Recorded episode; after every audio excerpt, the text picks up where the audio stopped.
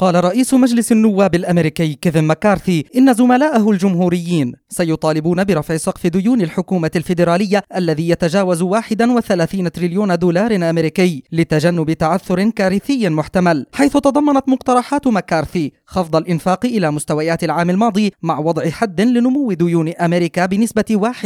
1% سنويا وهو ما يبدو منافيا لإرادة الديمقراطيين الذين يسيطرون على مجلس النواب ومجلس الشيوخ والبيت الأبيض. وتأتي تصريحات مكارثي بينما تقترب الحكومة الأمريكية من اللحظة التي لن تكون قادرة فيها على الوفاء بالتزاماتها المالية في وقت قريب في هذا الصيف. وفي حال عدم اتخاذ أي إجراء من قبل الكونغرس المنقسم فإن ذلك سيؤدي إلى تعثر تاريخي من شأنه أن يهز اقتصاديات الولايات المتحدة والعالم بأسره. حيث كانت مواجهة مشابهة قد حدثت عام 2011 والتي تسببت في أول تخفيض ائتماني للحكومة الأمريكية وهو ما يجعل المستثمرين قلقين بشأن هذا الأمر. وقد أكد مكارثي على أن مجلس النواب سيصوت خلال الأسابيع المقبلة على مشروع قانون لخفض الإنفاق ورفع سقف الديون إلى موعد غير محدد العام المقبل وهو ما قوبل برفض الديمقراطيين بشكل واسع متهمين إياهم بأنهم يحرصون على الأسواق المالية على حساب الإنفاق على الأمريكيين العاملين ورعايتهم الصحية